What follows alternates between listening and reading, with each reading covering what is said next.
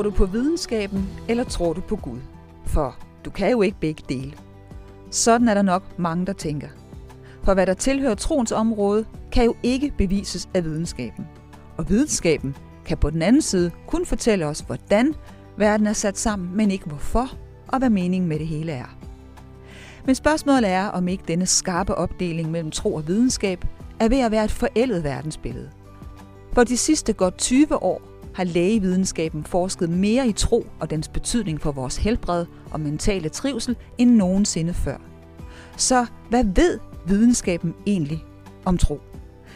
Det spørgsmål har jeg stillet til en række eksperter i denne podcast-serie for at blive klogere på, om det simpelthen er sundt at tro på Gud, og om videnskaben faktisk er afhængig af, hvad folk er villige til at tro på. Mit navn er Iben Tranholm. Velkommen til.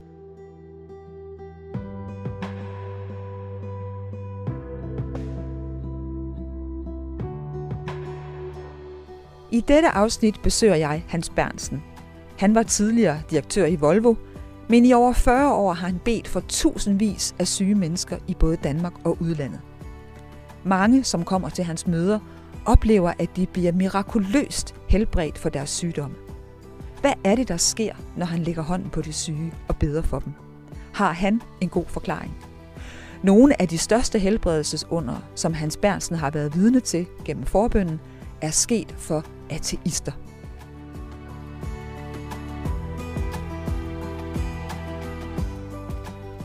Jeg sidder over for, hvad jeg godt tør kalde en ægte mirakelmager. Og mirakelmanden, eller mirakelmageren, det er dig, Hans Bernsen. Det er noget, du har taget helt fejl Nå, det kan vi snakke om. Men for mig er du en mirakelmand. Øh, og tak fordi jeg måtte komme på besøg her hos dig i din villa i Farum i Nordsjælland, hvor du bor. Du er ikke læge, Nej. men du har helbredt tusindvis af mennesker, eller måske er det mere korrekt at sige, at du har helbredt dem ved at lægge hænderne på dem og bede en bøn for, at de må blive helbredt af Gud. Ja. Og øh, i 40 år har du turneret rundt i Danmark øh, og holdt forbønsmøder, ofte i kirker, og 100.000 vis af mennesker er strømmet til i årenes løb, fordi det rygtes, at de syge, som kommer til dine møder, de går helbredt derfra. Og inden vi skal snakke øh, om de her helt konkrete helbredelser, og hvad det er, der sker ved dine møder, øh, når du beder for det syge, så fortæl os, hvordan du har fået den evne, at det virker, når du beder for det syge. Ja, altså lad mig lige sige, at det her mirakelmand, øh, dem tror jeg ikke på. Men jeg tror på miraklernes Gud, og at han er præcis den samme i dag, som han altid har været der. Når man læser i Bibelen, som jo er grundlag for det, jeg gør, det er jo det kristne budskab. Og når man læser i Bibelen, det nye testamente, tiden hvor Jesus var hernede, for det er jo ham, vi tror på, det er ham, vi bygger vores tro på, der er det svært at finde et eneste kapitel, uden at der omtales helbredelser. Alle de syge, de opsøgte kræften, hvor den var. Og på det tidspunkt, der var den kræft jo centreret specielt omkring Jesus. Han gav den så videre på et tidspunkt til dem, der havde fulgt ham. Og da han er gået sammen med dem i en tid, så siger han jo, at det er godt, at han skal tilbage til himlen. Fordi den kraft, den skulle nu bredes ud til alle mennesker. Og det er det, vi fejrer, når vi fejrer pinsen. At Helligånden blev udgivet, og det var ikke bare over dem, der var samlet i Jerusalem. Men Helligånden blev udgivet over alt kød. Og det vil også sige over dig, og det vil sige over mig. Og der er Helligånden stadigvæk. Og der er det, Bibelen siger, når Helligånden kommer over os, og det er den jo, når Helligånden kommer over jer, så skal I få kraft. Hvilken kraft? Præcis den kraft, der virkede, da Jesus selv gik rundt hernede på jorden. Selvom han var Guds søn, så var han afhængig af Helligåndens kraft. Det var det første, Jesus han proklamerede, da han skulle starte sin tjeneste i synagogen i Nazareth. Herrens ånd er over mig. Han vidste, at det var en forudsætning for, at der kunne ske mirakler. Og det er også det grundlag, som vi virker på i dag. Når vi beder til Gud, så er vi med til at formidle Guds kraft, altså via Helligånden, til de mennesker, der har brug for hjælp. Men hvordan blev du klar over, at det var din særlige opgave at bede for de syge? Det var øh, helt tilbage i 82, 81, 82, at der var en nordmand på besøg i i Danmark. Og jeg havde kort tid forinden haft en meget speciel oplevelse på, på motorvejen nede i Tyskland, hvor en østrisk tankvogn kører ind i vores bil og campingvogner, som bliver totalt skadet. Men alle fire af de to børn og min kone og jeg kunne stige ud af en bil uden at få et blåt mærke. Og det kunne lige så godt have været slut for os. Men når vi kommer ud og skal så have samlet op det, der ligger på motorvejen, og der ligger blandt andet et lille lommetestamente, som vi har haft med på turen. Jeg tror ikke, vi har fået læst i det de 14 dage, men det viste vi jo da ikke helt ugudeligt i hvert fald. Vi havde det med. Og så ligger det der på motorvejen, og det er, der vi løfter det op, så er der kun et sted, hvor det begynder et, et nyt skriftafsnit. Og det er Markus evangeliet 13. kapitel, vers 33, hvor Jesus han siger, pas på at være overvågende, for I ved ikke, hvornår tiden er det. der. som med en mand, der drog udenlands og så videre. Han overgav styret til sine tjenere. Jamen det var det, jeg havde gjort. Jeg var rejst fra forretningen. Der var andre, der kørte derhjemme. Men så siger han også, det jeg siger til jer, det siger jeg til alle. Hvor? Og hvad er det så, man gør, når man har sådan en oplevelse? Jeg har altid troet på Jesus helt fra helt ung. Så søgte vi til andre møder og så videre rundt omkring. Og der er det så, at jeg kommer på et møde op på Brogst Hotel i Nordjylland, hvor en norsk prædikant er inviteret som taler. Og der var noget specielt ved den her prædikant. Så når han havde talt, så var han meget frimodig. Han inviterede folk frem. Han ville bede personligt for dem, dem der havde behov, fysiske, psykiske, åndelige, alle behov. Og det var jeg egentlig ikke så vant til i den kirke, jeg kom. Altså, havde man nu sagt ja til Jesus og var gået frem og blevet bedt for med den vigtigste beslutning, så ligesom, så skulle man måske ikke så meget frem igen, fordi alle ville jo sidde og tænke, hvad har han nu været ude i, hvilke problemer har han nu. Men her nordmand, han var meget frimodig at invitere frem, og der var mange, der gik frem. Og øh, jeg kørte så hjem igen efter, efter mødet, og tænkte, det var spændende, jeg skal op igen øh, næste aften. Og da han så afslutter mødet og kalder frem til forbøn, der begynder det sådan pludselig indeni hos mig, som en stemme, der sagde, Hans, du skal gå frem nu. Og det var, havde jeg heller ikke noget problem for over, fordi jeg skræmmede mig ikke over at gå frem. Øh, jeg vidste godt, at mange mennesker kendte mig, men det var ikke det, der holdt mig tilbage. Jeg vidste bare ikke, hvad skal jeg sige til ham? For jeg havde lige mødt Jesus på ny nede på, på autobanen, og øh, så begyndte jeg at tænke, jamen han har jo talt om kærlighed, så jeg kan da gå frem og sige, kan du ikke bede om, at jeg må få noget mere kærlighed? Det viste, at det kunne i hvert fald ikke gå helt galt. Og så, så havde jeg jo været lydig, og så jeg stiller mig frem i køen som mange andre. Så kommer han direkte ned fra mig, platformen ned til mig, og siger, jeg har også ventet, at du skulle komme. Nå, tænkte jeg, er det sådan en, der kan se noget på folk? Det var helt nyt for mig. Er din kone også gået med frem? Og jeg kiggede til højre et par meter frem, og der stod min kone. Og så siger han, jamen så er det, som det skal være. Jeg har en hilsen til jer fra Herren. Jeg tænkte, ja, en hilsen fra Herren. Dem havde jeg nu ikke fået så mange af overleveret personligt, så jeg var nok lidt skeptisk. Men så begyndte han at fortælle nogle ting, som han ikke havde nogen forudsætninger for at kunne fortælle, hvis ikke Gud havde vist ham. Du kender mange forretningsfolk. Du skal bare løfte flaget og vise, hvad du står for, så vil de komme og opsøge dig. Jeres hjem skal blive brugt som en kirke. Og så det tredje, han sagde, det var, at Gud vil på en speciel måde bruge dig til at bede for syge. Det er mere end 40 år siden, det budskab. Og jeg kan sige, at alle tre for længst er gået i opfyldelse. Jeg har bedt for hundredvis af forretningsfolk. Vores hjem er blevet brugt som en kirke. Jeg har døbt 178 i, i swimmingpoolen derhjemme, mens jeg boede i Aalborg.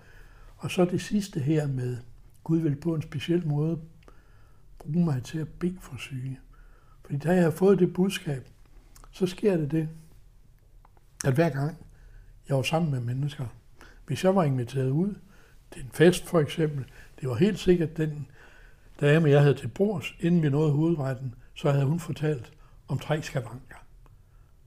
Og nu sidder hun der og fortæller om behov, problemer hun har. Og Gud han har sagt i det her budskab til mig, han vil bruge mig for, til at bede for de syge. Hvordan sagt det er lige den der? Og det øh, gjorde jeg på den måde, at jeg lavede en aftale med Jesus. Og den aftale var, at jeg siger, hvis du sender nogen på min vej, som jeg kan høre på en speciel måde, fortæller mig om fysiske eller psykiske behov, så vil jeg lytte på det, de siger, og så vil jeg sige til dem, det du har sagt til mig, er det noget, du ønsker at komme af med? Og det burde være naturligt, at man øh, siger ja til det. Har de også gjort næsten alle sammen. Der var der en enkelt mand, han var lidt ked af det, fordi han var lige blevet tilkendt pension. Den kunne han jo risikere at miste, hvis han blev helt rask. Men ellers, de siger ja til det, og så vil jeg sige til dem, skal du høre her, jeg vil gerne bede en bøn for dig, fordi jeg ved, at Gud han kan helbrede. Jeg har heldigvis aldrig lovet nogen, at de bliver helbredt, fordi jeg beder bønnen. Fordi det var ikke op til mig.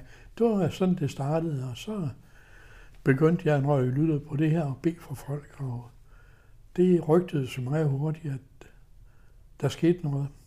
Og det er så det, der har udviklet sig. Men det her med Guds ånd, med Helligånden, øh, hvad, hvad er det for noget? Hvordan kan du være sikker på, at det er Helligånden, når du siger, så skete der det og det og det, og Guds kraft? Og, altså, hvordan kan man mærke eller vide, hvornår at det er Helligånden, der er på færre? Ah, det kan man. Øh, jeg tror for det første, som jeg har sagt, Jesus selv. Altså, der er jo ingen mirakler i Bibelen, uden Helligånden var der. Tag første vers i Bibelen. Alt var mørkere og kaos, men Guds ånd svævede over vandene. Så begyndte Gud at sige noget. Men Helligånden var der. Den kombination er det, der udløser et mirakel. Guds ord, det Gud siger, og så Helligåndens kraft. Da Gud han skulle skabe Adam, han formede noget, noget støv, og hvad gjorde han? Han blæste sin livgivende ånd i det her støv, og det blev til et levende væsen. Og hvad tror du, der gør mennesker til levende væsener i dag? Det er, når de bliver fyldt med den ånd, den livgivende ånd. Hvad var miraklet, da Jesus skulle fødes? Jomfruen, hun får besøg af Gabriel. Han siger, du skal føde Jesus, Guds søn. Jamen, hvordan skal det gå til? Jeg er, jeg er jomfru, jeg har ingen mand. Gabriel, han vidste jo godt, hvad der skulle til. Helligånden, Guds kraft, skal komme over dig. Og hvad er det, som Maria, hun siger? Hun kunne godt have rystet på hovedet og sagt, gode Gabriel, altså, det er ikke sådan, det foregår, når man skal have børn. Men når du siger det, så lad det ske, som du har sagt. Og miraklet, det kender vi jo, at Jesus blev født. Så der er ingen mirakler uden Helligåndens kraft. Jesus var afhængig af det, som jeg sagde før. Og tænk på disciplene, som gik sammen med ham hver dag i måske tre år. De havde hørt ham sige alle de rigtige ord, de havde set ham udføre alle miraklerne. Da han så skulle forlade dem, der var de alligevel ikke udrustet nok. Jeg har mødt nogen, når de har været på bibelskole i 14 dage, så troede de, alt var på plads og i orden. Øh, det var det ikke for disciplene. De har været i mesterlærer, de har hørt det hele, de har set det hele, men de manglede noget. I skal vente, indtil Helligånden kommer over jer. Og der var det jo også, det bragede løs. Var det ikke 3.000, der kom til tro i Jerusalem den første dag, efter Peter havde oplevet Helligånden? Det var ham, der lige før sad og fornægtede Jesus. Ikke ville kendes ved ham, men Helligånden forandrede ham. Så det, der sker ved det møde, hvor du møder den norske prædikant, og han beder for dig, det er faktisk, at du modtager Helligånden der? Ja. Nej, det gjorde jeg. Nej, det gjorde han ikke, men han lukkede op. Jo, det gjorde han. Jeg havde oplevet Helligånden på det tidspunkt. Nu skal vi køre det i den rigtige rækkefølge. Nu, en uh, tre uger forinden havde været sammen med nogle mennesker, som jeg havde mødt gennem vores kirke, inviteret med hjem til den privat, og der, var, der er sådan noget, jo ikke man samtidig tænker over det, at når man er sammen med nogle bestemte personer, så er der noget specielt ved at være sammen med dem. Der er noget attraktivt. Noget, der giver en længsel i en... Jeg vidste bare ikke fra starten af, hvad er det, der gør, at de er anderledes? Når de taler om Bibelen, når de taler om Guds løfter, om det Gud han siger, så er det ligesom en meget mere kontant øh, udlægning af det. Jeg har jo altid troet på Bibelens beretninger, men nok mest som øh, noget historisk, om hvad der skete for, for 2.000 år siden. Øh, når jeg var sammen med de her mennesker, det var jo det her med, at vi skal lægge hænder på de syge, og sådan skal det. Alle Guds løfter komme frem. Og jeg fandt jo så ud, da jeg havde været sammen med dem nogle få gange, at øh, jamen der er i hvert fald noget, som de kan sige markant, de har oplevet, som jeg ikke havde oplevet. Og det var Helligånden. Og derfor bad jeg en, den 7. december 1980, dem jeg var sammen med om at bede for mig, gør ligesom Peter og Johannes gjorde, da de kom til Samaria. Øh, der var mange i Samaria, der var kommet til tro på Jesus. De var blevet døbt, men Helligånden var endnu ikke faldet på nogen af dem, stod der. Det havde Peter og Johannes løsningen på. De tog ned og lagde hænderne på dem og bad, og de fik Helligånden. Det oplevede jeg den 7. december 1980. Og den gave har du så brugt flittigt, at du fik øh, Helligånden på det tidspunkt. Fortæl mig, øh, hvorfor opsøger folk dig normalt? Ja, men det gør de jo, fordi de har hørt noget. Altså, det, man har hørt om den mulighed, der er for at opleve Guds kraft. Og øh, man kan jo så sige, uden at sammenligne mig i øvrigt, så vil jeg godt alligevel sige, når jeg læser i Bibelen, så står der altid, skarne flokkedes omkring Jesus. Uanset hvor han var, var han ude i ørkenen, de gik med ham ud i ørkenen. Hvorfor flokkede skarne omkring Jesus? Var det for at høre ham holde en god tale? Ja, han sagde mange gode ting, men jeg tror, det der træk mennesker til, det var, at de vidste, der hvor han er, var, der var der en kraft, der kunne forvandle mennesker. Der kunne helbrede, der kunne forvandle mennesker. Og jeg er ikke i tvivl om, at det, der sker, det er, at folk hører det. Det kan være nu gennem Facebook, det kan være før igennem omtaler i aviser, det kan være med i tv-programmer, jeg har medvirket. Jeg kan jo sige, at første gang, jeg rigtig gik med på landstækkende tv, det var i elevatoren i 1991, og der var jo fuldstændig kaos efterfølgende måneder, når jeg var rundt i, i Danmark og havde møde. Det første møde, jeg havde, efter jeg havde medvirket i elevatoren. Var der en, der blev helbredt, da du bedte? Ja, der var, i, uh... der var flere, der blev helbredt. Der var der tre, der blev helbredt inden, da jeg gik ind i salen. Man optog jo det her elevatoren i sådan et lokale, hvor der var mange tilskuer. Man sad rundt i sofagrupper eller stod op ved baren. Og jeg havde så på vej ind, der havde jeg bedt for hende, der skulle stå og komme lidt puder på mig, så jeg ikke skinnede for meget i projektørlyset. Og der var sådan en guide, der skulle lede mig frem. Hun så, hvad der skete for den her sminkøsen der. Hun havde så også et problem, og hende bad jeg også for. Hun havde også ondt i ryggen. Og da jeg så kommer ind i salen, hvor der sidder de her 30 mennesker, så var rygtet jo nede ind. Så da jeg kommer og går ind i salen, så sidder de rundt ved bordene og siger, inden du går i aften, så må du lige komme over og bede for os. Og jeg tror, jeg bad for i hvert fald 25 af dem, der var til stede derinde. Så jo, det virkede. Og så gav det jo et kolossalt brag ud øh, gennem tv, da den her bøn blev bedt. Jeg fik jo lov til, eller bad øh, Isabella om, at jeg måtte bede for seerne. På det tidspunkt var der jo næsten 2 millioner på elevatoren fredag aften i bedste sendetid. Så det er jo ikke hver dag, man beder for 2 millioner. Så øh, jeg fik lov til at bede en bøn og siger til dem derhjemme, læg hånden på det syge sted, og Gud han kan møde dig lige præcis der, hvor det er. Giv Gud en mulig chance Selvom du måske ikke tror på det, gør det alligevel. Da jeg var færdig med bønden, der blev det telefonkaos på TV2. Det var telefonnettet brød sammen. Der var så mange opringninger på én gang. Så da vi startede anden afdeling, måtte Isabella jo sige, ja, der er flere, der, der ringer og siger, at øh, de er blevet helbredt gennem bønden. Og det, øh, så det virker. Nej, det var fantastisk. det var det.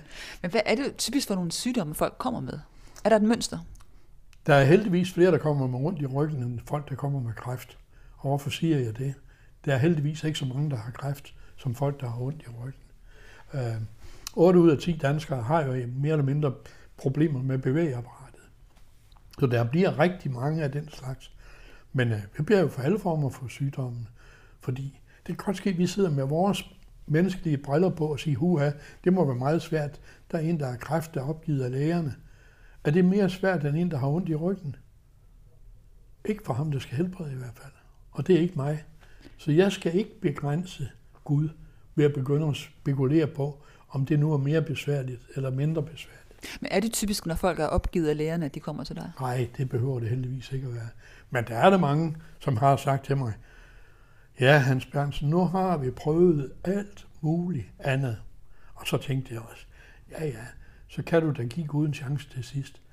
Men ved du hvad, sådan tænker jeg ikke i dag. Det gjorde jeg, da jeg var ny.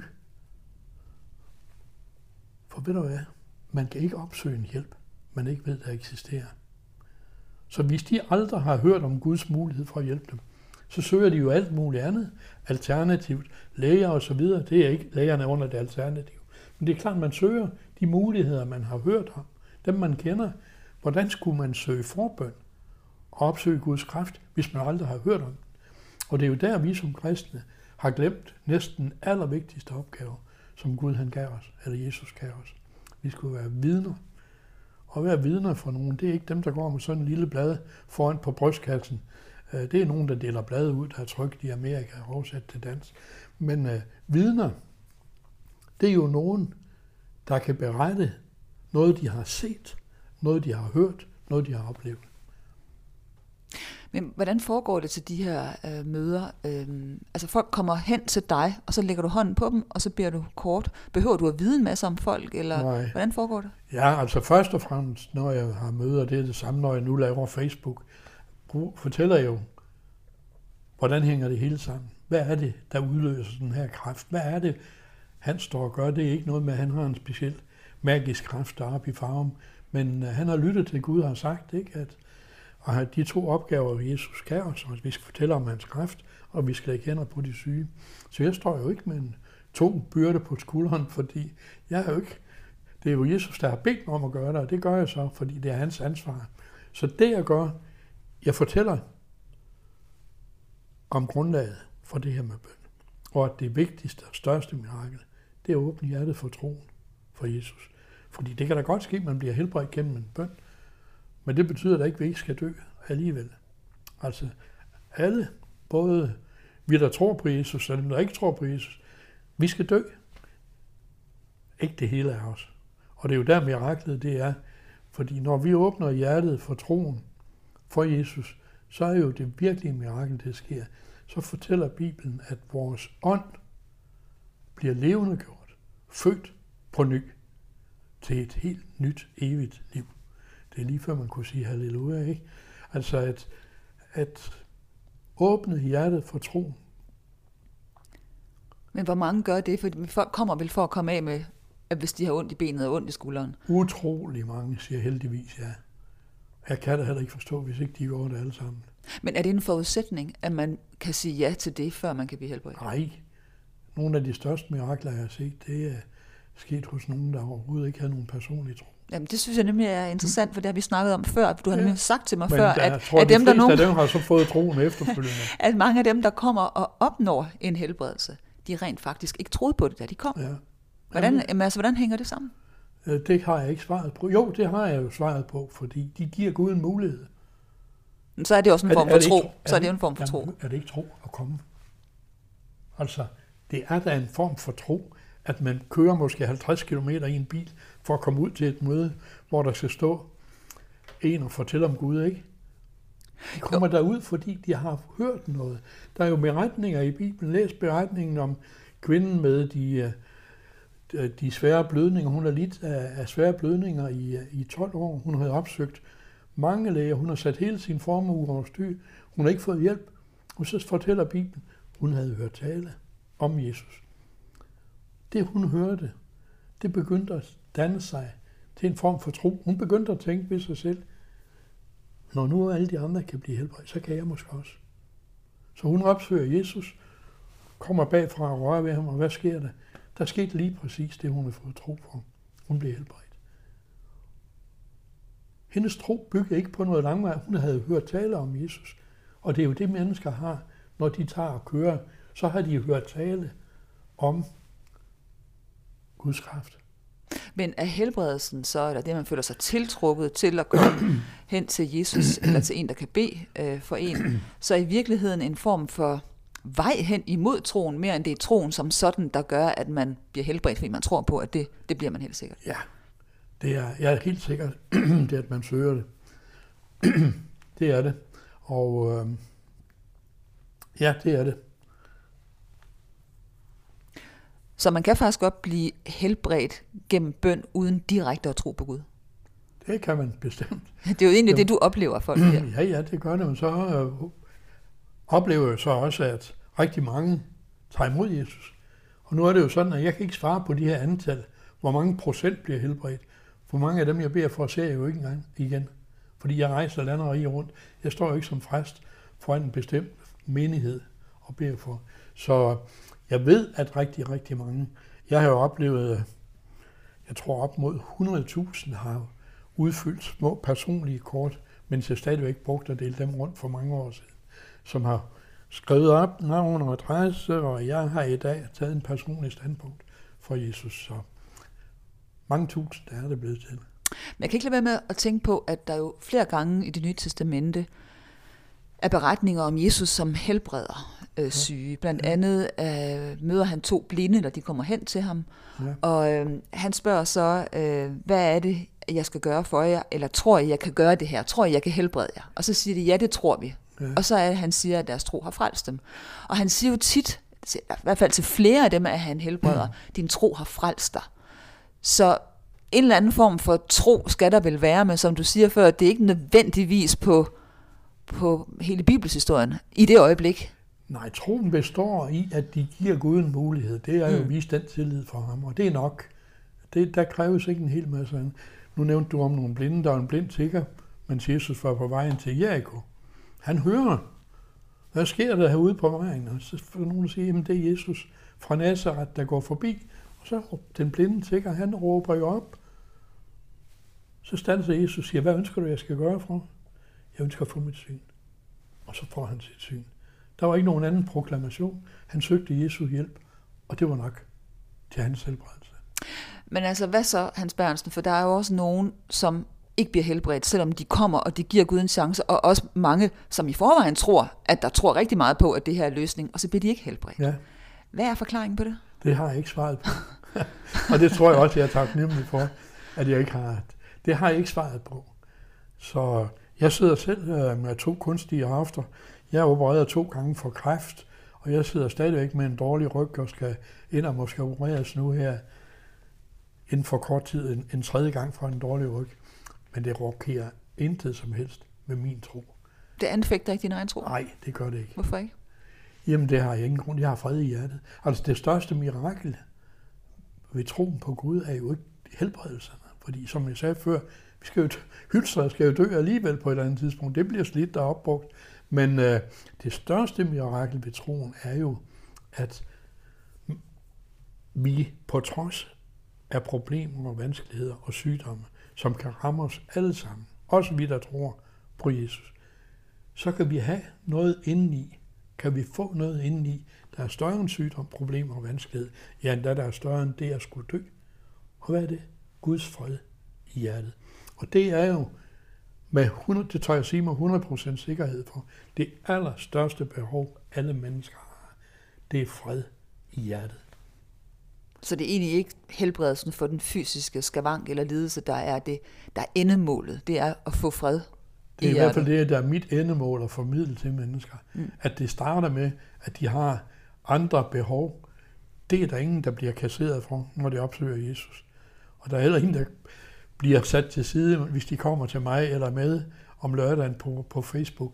Jeg beder for alle, uanset hvad baggrund de er. Jeg har oplevet ateister, der kommer og proklamerer sig som ateister, som blev helbredt momentant. Ja, fordi der er også nogen, der har undersøgt det her videnskabeligt. Blandt andet har du haft Lasse Spang Olsen, som er stuntman med i dit program, som jo også var skeptisk og oplevede, at han rent faktisk blev helbredt for et problem, han havde med sit ben. Det var han, ja. Og han vil ikke afvise, at der findes en Gud, efter han har, har været øh, med på dine øh, møder og selv er blevet bedt for. Han Men, sagde i hvert fald, at den oplevelse forandrede hans liv. Mm. Men har der været andre sådan mere videnskabelige undersøgelser af, hvad der foregår ved dine møder? Det har der i Aarhus, øh, på Aarhus Universitet. Jeg kan desværre ikke navnene på dem, der har lavet undersøgelsen. Men de har igennem en årrække modtage vores informationsblad, mens vi stadigvæk lavede sådan et i Mission Danmark. Og de har gennemgået, jeg tror det er op mod 900 konkrete tilfælde af helbredelser, som er omtalt i bladet. Og det er helt klart, at deres konklusion er, at der sker helbredelse gennem bøn. Men har de så nogen sådan videnskabelig forklaring på, hvad der foregår? Nej, det ved jeg ikke, om de har. Den, den har jeg ikke fået i hvert fald. Fordi man kan sige, at inden for det felt er der jo meget forskning, har været de sidste 20-25 år, omkring altså om vi selv har kræfter i sindet, som kan helbrede os. Om vi gennem troen og tankens kraft faktisk kan sætte helbredende processer i gang i kroppen. Der har været senest øh, en tv-serie på TV2 øh, Play, som Thomas Breinholt, du også kender fra dengang, ja. I lavede det tv-program, der hedder Åndernes Magt, at han jo har undersøgt, om man kan tænke sig rask. Øh, hvad tænker du øh, om, om den forskning, at der er noget, der tyder på, at vores indstilling, om vi er positive, og om vi tror på, øh, på tingene, om vi har et lyst sind og sådan noget, det spiller ind på vores helbred? Ja, men det er jo, altså, Bibelen siger, at det skal ske dig, som du tror. Tror. Altså, hvad er det? Ord i den forbindelse. Det skal ske dig, som du tror. Der står ikke, at du skal, det skal ske dig, når du tror på en bestemt måde, eller lige præcis sådan. Det skal ske dig, som du tror. Tror, du har fået det, du skal få det. Ikke? Altså, det er 100% sikkert, at det ikke er ligegyldigt, hvordan vores sind og tanker er. Et glad hjerte, det er godt for lægemet. Det er Bibelen, der fortæller det. Et glad hjerte, det er godt for lægemet. Nedslået sind, så bliver du ikke bare en psykisk syg. Det suger maven ud af benene. Så altså det er da helt klart, vores sind, vores tanker øh, har stor betydning for, hvordan vi har det. Mm-hmm. For hele forskningen, også for eksempel om det, der hedder placebo, jeg har jo ja. interviewet Lene Vase, der er professor i psykologi i Aarhus, hvor man jo også kan se, hvordan at forventningen til, at en behandling øh, skal gå godt, spiller utrolig meget ind. Og der kommer troen jo ind, ind igen. Ja. Øh, at det er troen, der afgør også nogle gange, hvordan, forhandling, eller hvordan at behandlingen forløber. Ligesom hvis du har negative forventninger, så kan det faktisk være, at behandlingen ikke virker nær så godt, selvom ja. du rent faktisk får medicin, og du får en operation. Men ja. hvis ikke du tror på, at det virker, ja. så er der noget, der tyder på, i hvert fald i forhold til hendes forskning, at den faktisk ikke virker så godt. Ja. Og det synes jeg er enormt interessant, altså at troen, at mennesket har en iboende evne til tro, som afgør rigtig mange ting i vores liv. Det er der ingen tvivl om. Men så er det så det der med... Som Men der er jo altså kun én vej til himlen, fortæller Bibelen. Og det er jo det, der er endemålet for mig. Det er jo ikke at springe rundt og bede en hel masse for folk, der har ondt i ryggen. Jeg ved, det er dejligt at blive fri for ondt i ryggen, for jeg har det selv, så det er ikke det. Jeg vil gerne blive ved at bede for folk. Men mit mål, det er jo, at de finder vejen. At de får fat i det liv, vi har skabt til gennem troen på Jesus. Det, der giver den fred, som også er det den dag, vi dør. At det der med døden, det er jo ikke nogen straf. Det er jo ikke nogen straf at komme i himlen. Der er alle problemerne, alle vanskelighederne, alle sygdommene er væk. Og jeg må bare sige, jeg er ikke et sekund i tvivl om, at det er rigtigt. Og jeg tør at sige sådan, nu må I ikke misforstå det, jeg siger. Selvom det ikke skulle være sandt, så vil jeg tro på det alligevel. Men det gør jeg. Jeg tror 100% på det. Det er ikke slut den dag, jeg dør. Hvorfor siger man ikke? Man siger, når folk de dør. Man udånder. Hvorfor har det fået det navn? Det er jo fordi, det er det, der sker. Den ånd, som blev levende gjort, som jeg fortalte om før, blev levende gjort, da vi tog imod Jesus, der bliver vores ånd levende gjort, født på ny, til et helt nyt, evigt liv. Ikke til et midlertidigt liv, som det vores forældre gav os, men til et helt nyt, evigt liv. Og det her løfte om, at det kan ske, det kan I give til alle mennesker. Fordi det er kun afhængigt af én eneste ting. Det står i Johannes evangeliet, det første kapitel, vers 12. Alle dem, der tog imod Jesus, gav han ret til at blive et Guds. Og så er det allermest kendte vers, der må få det med her i hele Bibelen. Fordi i det ene vers, der har du hele Bibelen. Således elskede Gud dig, at han sendte Jesus, for at du, hvis du vil tro på ham, ikke skulle gå fortabt, men have et evigt liv. Det er det, som jeg tror på. Det er det, jeg bygger mit liv på. Men øh, nu siger du, der er en vej til himlen. Jeg kan ikke lade være med at sidde og tænke på, at der er rigtig mange mennesker, som har svært ved at tro på det her. Der er også mange mennesker, der har svært ved at tro på et liv efter døden. Altså, hvis man er i den situation, man faktisk ikke tror på det, er der så hjælp at hente hos dig, hvis man kommer og siger, jeg giver det en chance, men jeg har svært ved at tro. Mange mennesker har jo svært ved at tro i dag, og er meget åbne omkring, at de har svært ved det. Ja, men det er jo det, jeg har lige siddet og sagt. De behøver ikke komme med tro. De øh, kommer med de behov, de har. Og hvis det er det, der leder dem på vejen til Jesus, så er det jo super fint. Mm. Og øh, jeg synes ikke, risikoen er særlig stor for, at man gør noget forkert vælge, at ved at vælge troen. Fordi hvis nu der er nogen, som ikke tror, og der så alligevel er noget om det her med troen, der leder vejen til himlen, så er jeg jo i en anden situation. Skulle der være noget om, at der ikke er noget i himlen, så er jeg jo ikke dårligere stillet end de andre, der var uden tro. Så har jeg tværtimod haft freden i hjertet, også mens jeg var her på jord. Troen på det. Jeg sidder ikke og siger, at jeg ikke tror på det, for det er jeg overbevist om, at der er en plads til mig, når jeg ikke længere skal være her. Men jeg sidder bare og tænker på, du starter med at tale om Helligåndens kraft, og det er ligesom at det, der bærer alt det, du gør, at du er en slags kanal, kan man sige, for Helligåndens ja. kraft. Altså skal der det her overnaturlige element til at hjælpe os på den her trosvej, eller er troen vores egen præstation? Det starter med i hvert fald, jeg tror, ja, jeg kan godt svare på det på den måde. Jeg tror ikke, der er nogen, der kan komme til tro på Jesus, uden at det er Helligånden, der drager en til at tage den beslutning. Det er jeg sikker på, det er Helligånden, der drager en til at tage beslutning. Men det er ikke det samme som, at man så har oplevet personligt at være fyldt med Helligånden. Det er der jo mange eksempler i Bibelen på. I Samaria, hvor der var mange kom til tro, de var døbt, men Helligånden var ikke faldet på dem. De lagde hænderne på dem, og de bad for dem. Og øh, det var det, der forvandlede mit trosliv. Jeg har altid troet på Jesus.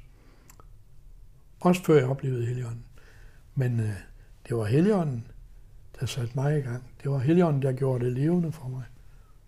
Så det er Helligånden, der gør det, at egentlig gør troen levende? Ja, det er det så det ikke bliver en, en tro på. Der er mange folk, der netop har problemer med at tro på nogle af de ting, som Bibelen fortæller, for eksempel. Ja, ja. Altså jomfrufødslen, som du selv ja, nævnte lige ja. før, eller opstandelsen. Jamen, det, det, de siger, det er, jo ikke, det er jo ikke, at de ikke kan tro på det. De siger, at de kan ikke forstå det. Ja, det og det er der, man blander brækkerne sammen. Mm.